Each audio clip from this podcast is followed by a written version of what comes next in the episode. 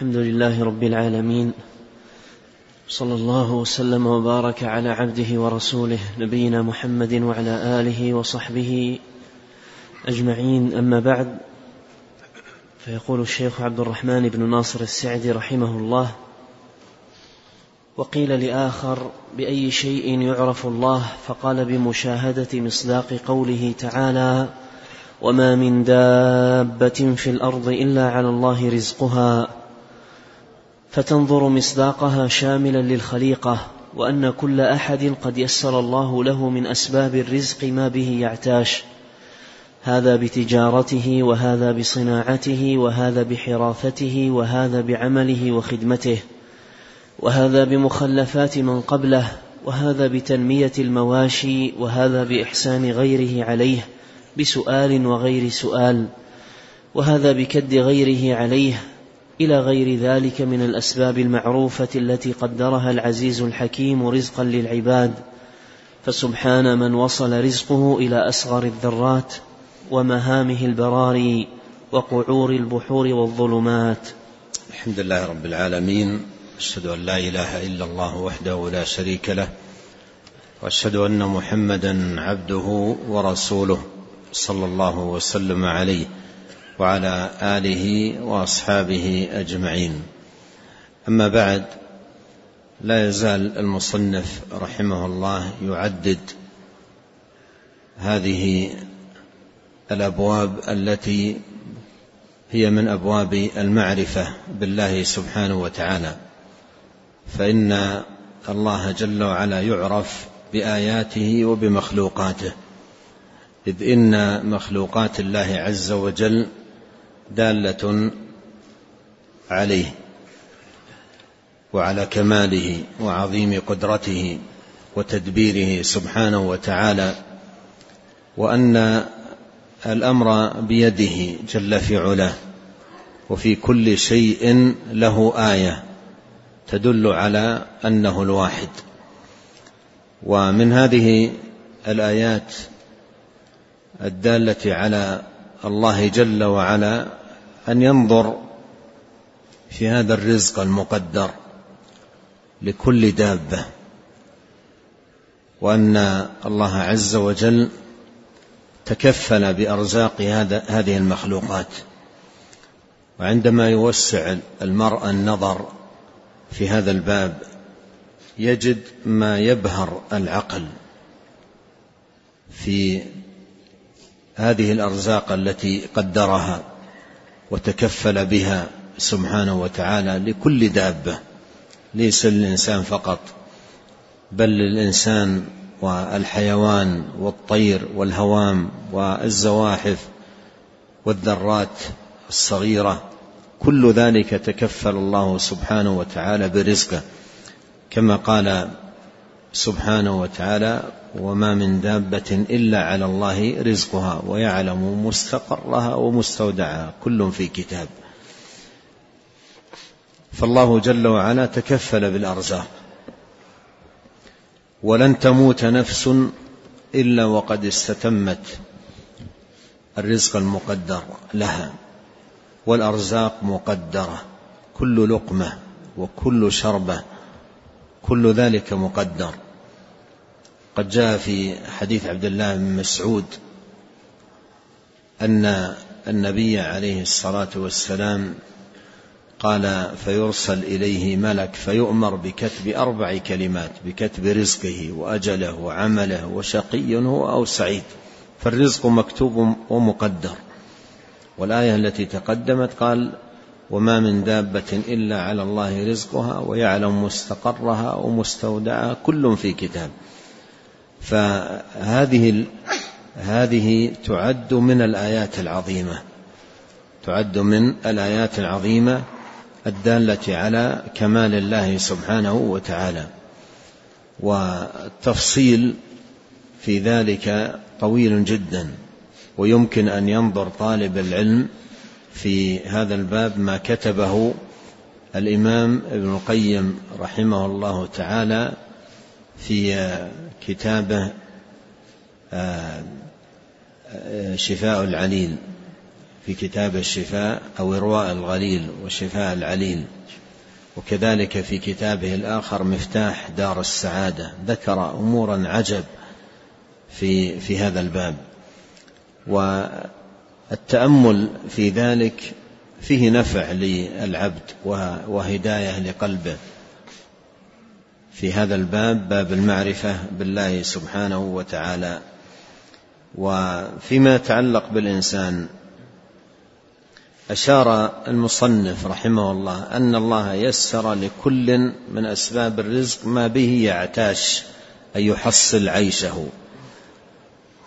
فتنوع الناس في ذلك. هذا بتجارة وهذا بزراعة وهذا بصناعة وآخر بمخلفات غيره أي ما يحصله من ميراث وهكذا. لكن كل نفس لن تموت إلا وقد استوفت الرزق الذي كتبه الله سبحانه وتعالى. نعم. قال رحمه الله وقيل هذا هذا التأمل هذا التأمل في هذا الباب باب الأرزاق المقدرة المكتوبة للناس الدواب الهوام إلى غير ذلك يثمر في العبد تعظيم الله وتكبيره وتنزيهه سبحانه ولهذا قال رحمه الله في خاتمة حديثه هذا قال فسبحان من وصل رزقه إلى أصغر الذرات ومهامه البراري وقعور البحار والظلمات. نعم.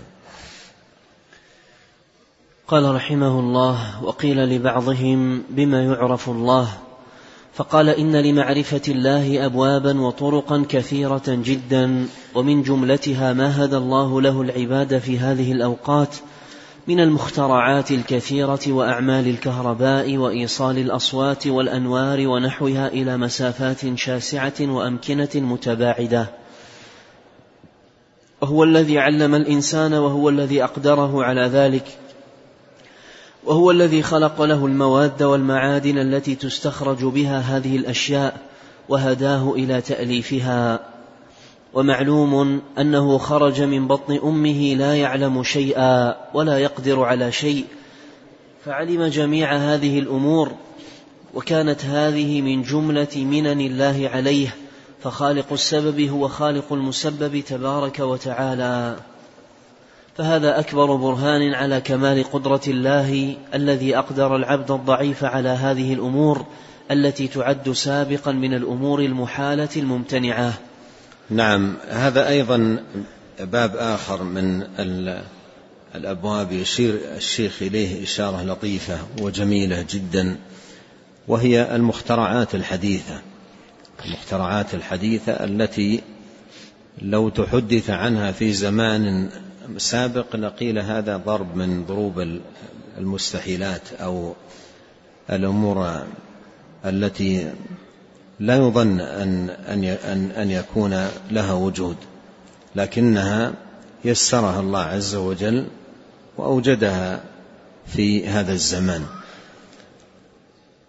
وهذه المخترعات الحديثة الموجودة في هذا الزمان هي من الآيات الدالة على عظمة الله سبحانه وتعالى لأن الله عز وجل هو الذي علم هذا الإنسان وأعطاه الفهم وأعطاه هذه القدرة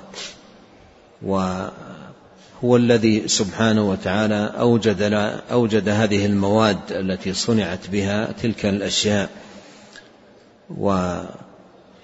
ويسر للإنسان التأليف بينها. وهذا التسخير لهذه الأشياء هو من جملة الابتلاء في الحياة الدنيا. ينبغي أن ينظر إليه هذه النظرة. المؤمن ينظر إليه هذه النظرة أن هذا من جملة الابتلاء بهذه الحياة الابتلاءات التي في هذه الحياة الدنيا. فهل هذه الأمور تقرب الإنسان من الله فيكون من الفائزين؟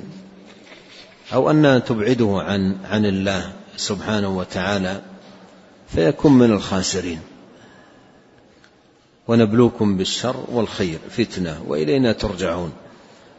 فهي من جملة الابتلاءات. ولهذا الناس مع هذه الصناعات الحديثة بين شخصين. شخص مفتون بها وأصبحت هي همه وهي مبلغ علمه وما له في الآخرة من خلاق ليس له همة في الآخرة ولا نظر إلى الدار الآخرة ولا يفكر فيها. وصارت الدنيا هي مبلغ علمه وهي غاية همه ولا فكر له في الآخرة. فضلا عن أن يكون مستعدا للقاء الله سبحانه وتعالى.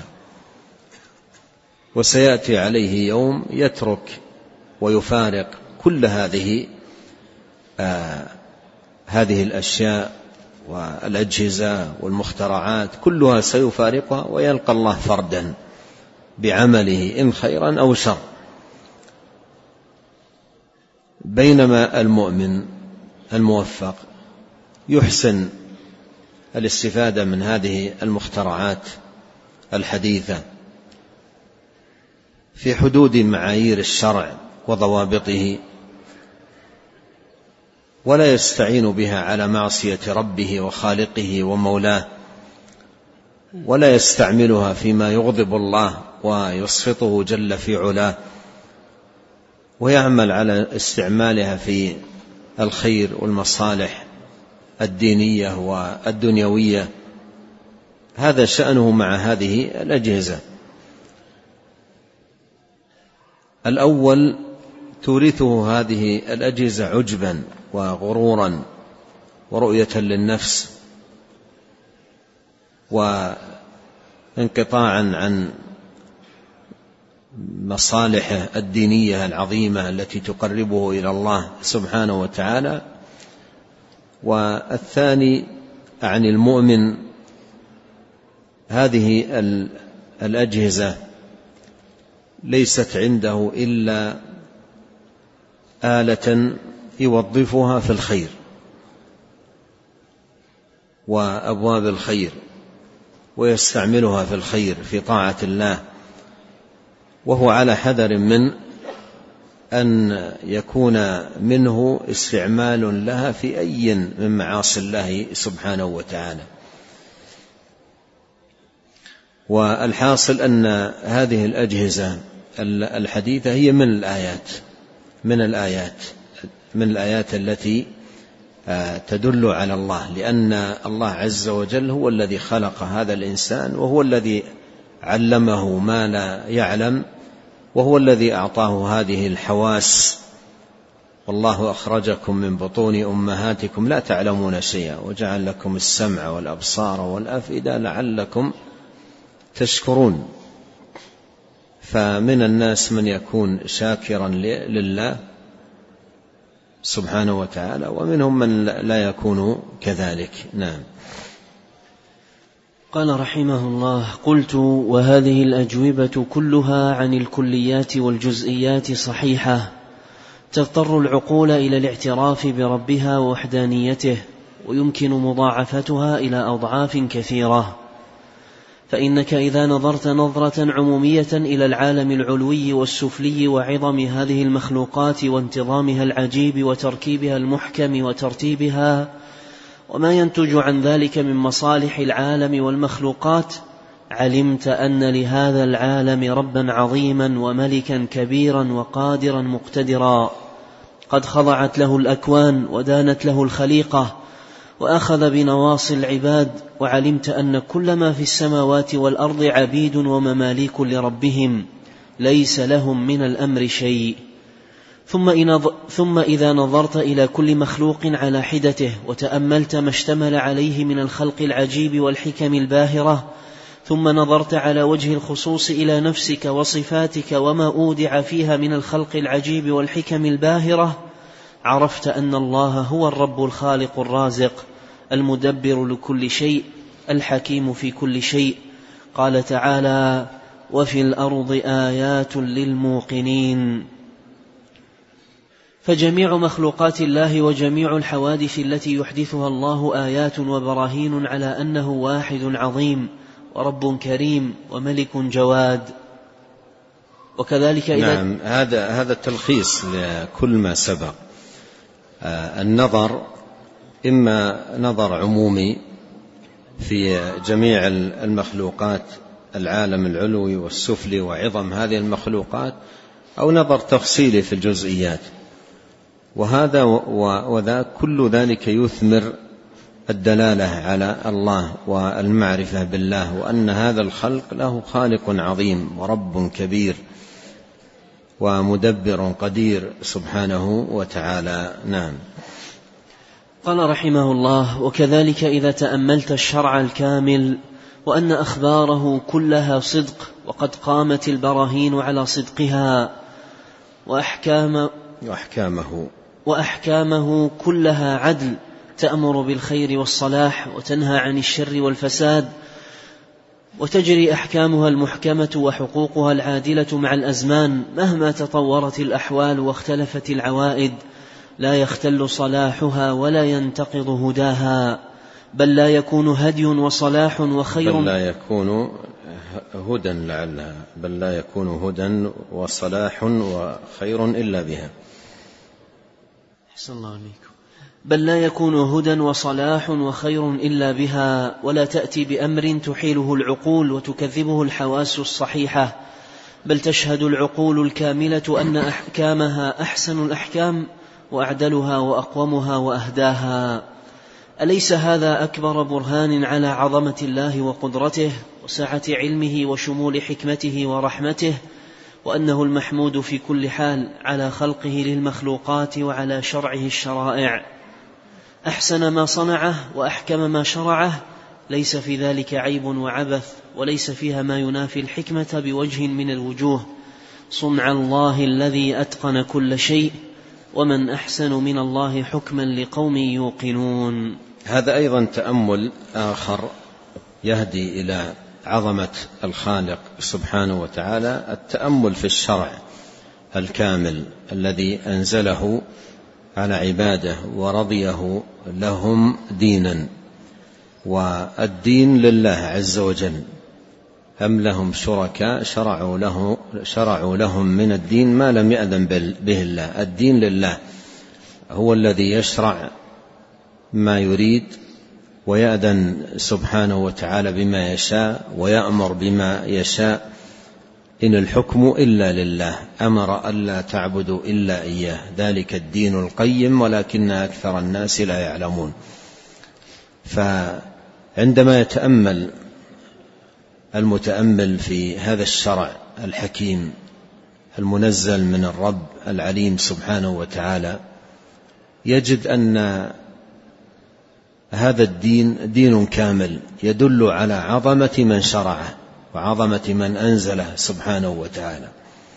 إذا نظرت إلى أخباره لأن الدين أخبار وأحكام. إذا نظرت إلى أخباره فكلها أخبار صدق. وتمت كلمة ربك صدقا وعدلا.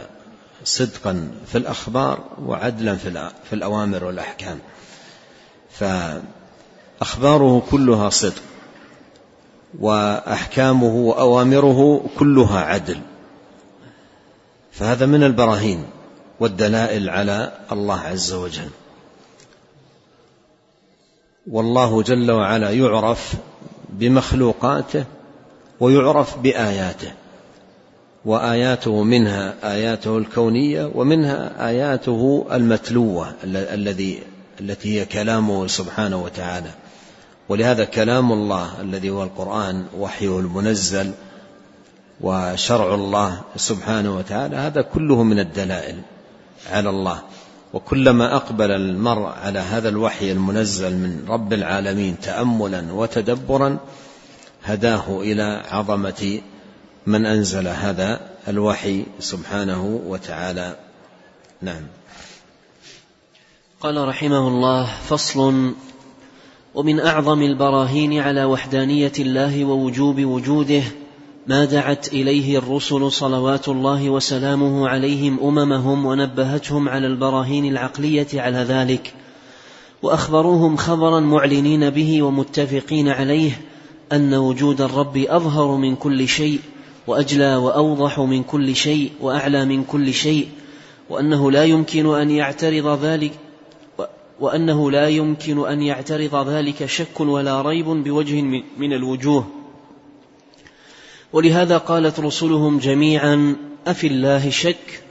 وهذا استفهام وإنكار عظيم على من يشك أو يمتري بالله. وبيان أنه متقرر في عقول الخلق وفطرهم أن وجود الله ووحدانيته أظهر الاشياء أظهر الأشياء وإجلاها. وأن من شك في ذلك فهو مباهت مكابر غير مبال بمخالفة العقل والدين. فإن جميع الأشياء وجودها وبقاءها وحفظها وحصول جميع كمالاتها بالله تعالى. فهو الأول الذي ليس قبله شيء وهو الذي أوجد كل شيء. ولهذا قالوا أفي الله شك فاطر السماوات والأرض.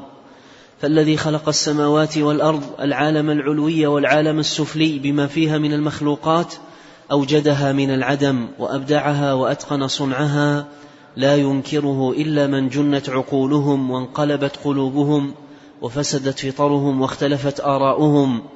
وأكثر أعداء الرسل مشركون معترفون بالرب وتفرده بالخلق وذلك كقوم نوح وهود وصالح وغيرهم. ومنهم ملاحدة معطلون كفرعون إذ قال وما رب العالمين؟ على وجه الإنكار وقال يا أيها الملأ ما علمت لكم من إله غيري. وجميع الرسل ذكروا أممهم المكذب المكذبين واحتجوا عليهم بخلق الرب للمخلوقات كلها وأنه رب العالمين ورب الأولين والآخرين وذكروهم بكثرة النعم من الله عليهم وكل رسول يقول لقومه اعبدوا الله ما لكم من إله غيره فاحتجوا عليهم وبرهنوا على ذلك بأنه الرب الخالق المدبر المنعم بالنعم كلها وأن من كان هذا وصفه فهو المستحق لإخلاص العبادة له ولكثرة ذكره وشكره وحمده والثناء عليه وهذه كله وهذه كلها براهين عقلية لا ينكرها إلا من نبذ العقل والدين. نعم هذا أيضا من البراهين والدلائل على وحدانية الله ما دعت إليه الرسل. وهنا يشير الشيخ رحمه الله إشارة لطيفة ومهمة في هذا الباب ألا وهي أن يفيد المسلم في في إقامة هذه البراهين والحجج من دعوة المرسلين. قل هذه سبيلي أدعو إلى الله على بصيرة أنا ومن اتبعني. هذه أي سبيل المرسلين. أولئك الذين هدى الله فبهداه مقتده. فيفيد من دعوة المرسلين والبراهين المستعملة في دعوتهم في الدلالة على الله والتعريف بالله وبيان عظمة الله. وهذا تنوع تنوعا واسعا عظيما نافعا يجده آه، المتأمل فيما حكاه الله سبحانه وتعالى من قصص الأنبياء والمرسلين ودعوتهم لأقوامهم وما أقاموه من حجج دالة على الله ومعرفة بالله وبعظمة الله سبحانه وتعالى. فهذا من البراهين التي أو هذا من الأبواب التي يستفاد فيها تفقها في هذه البراهين العقلية الدالة على الله جل وعلا. وأن هذا وأن هذه الوحدانية وحدانية الله عز وجل هي من أظهر الأمور وأوضحها وأبينها. قال رحمه الله تعالى ولهذا قالت رسلهم جميعا أي مخاطبة الأمم أفي الله شك أفي الله شك. وهذا استفهام إنكاري هذا استفهام إنكاري.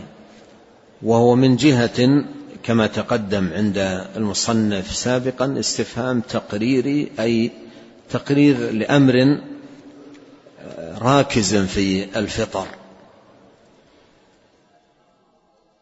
أمر أمر راكز في فطر فطر العباد. أفي الله شك؟ يعني هذا من أوضح الواضحات وأبينها. لا شك في في هذا ولا مرية ولا ريب. أفي الله شك؟ وأعقبوا ذلك برهانا. فاطر السماوات والأرض. هذا برهان. والتأمل في السماوات والأرض هذه الآية العظيمة يهدي إلى أن الله لا شك فيه ولا ريب وأنه وحده عز وجل المتفرد بهذا الخلق وأنه وحده المستحق للذل والخضوع أن يذل وأن يخضع له أن يذل له ويخضع له سبحانه وتعالى وأن يفرد بأنواع العبادة. نعم. قال رحمه الله وكذلك ذكروهم بأيام الله أشار الشيخ هنا إلى أن أكثر أعداء الرسل المعترفون بالرب, بالرب.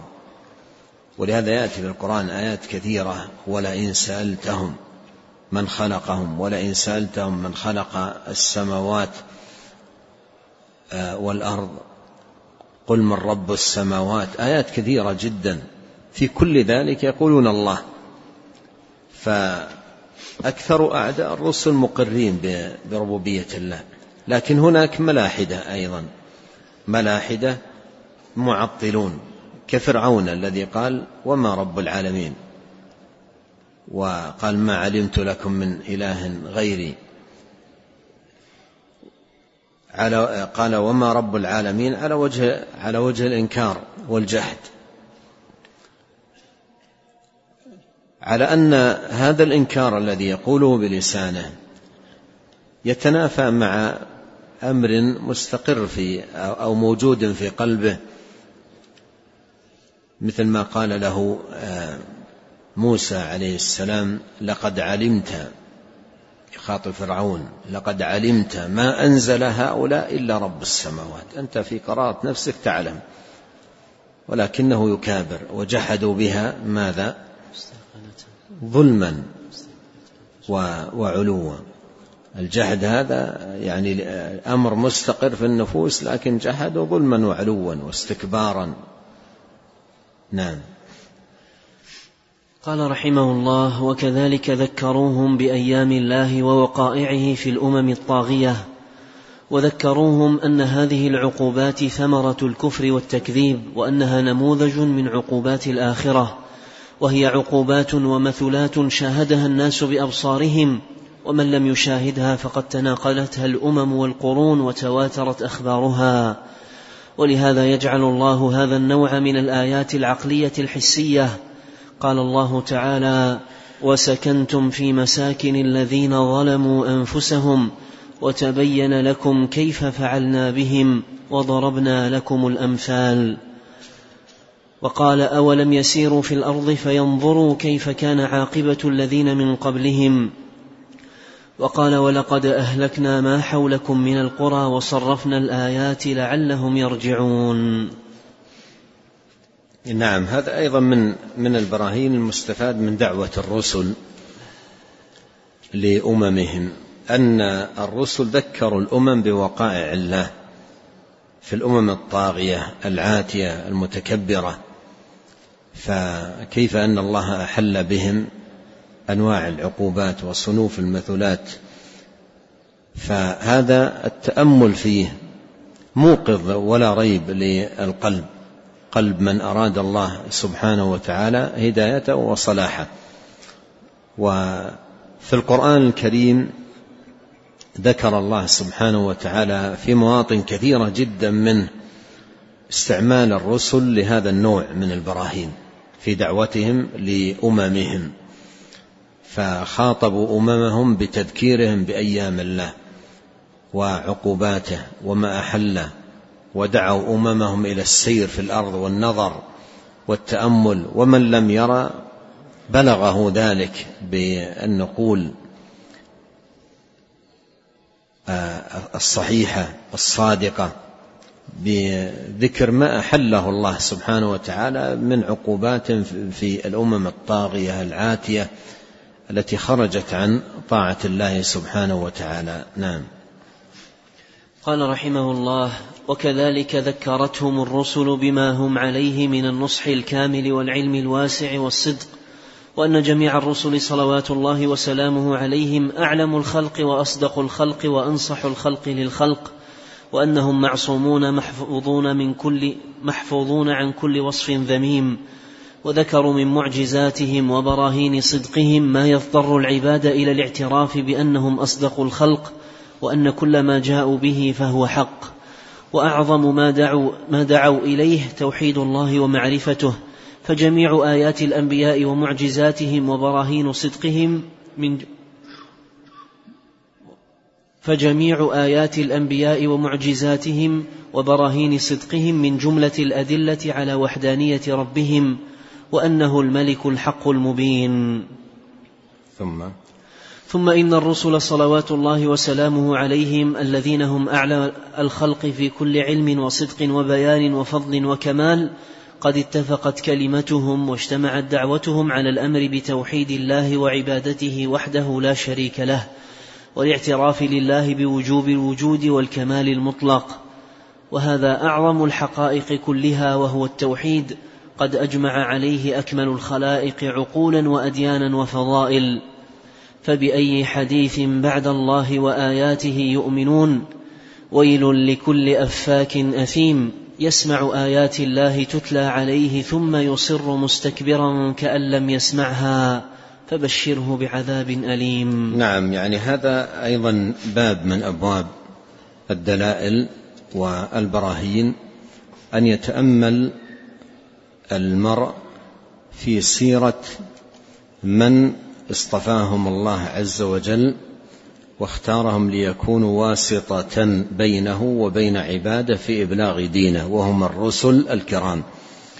بأن يتأمل المرء في سير المرسلين وما اتصفوا به من الصدق والعدل والرحمة والنصح والرفق والأخلاق الجميلة والمعاملات الكريمة الحسنة والآداب الرفيعة العالية عرفوا بذلك. فهذه السيرة العطرة.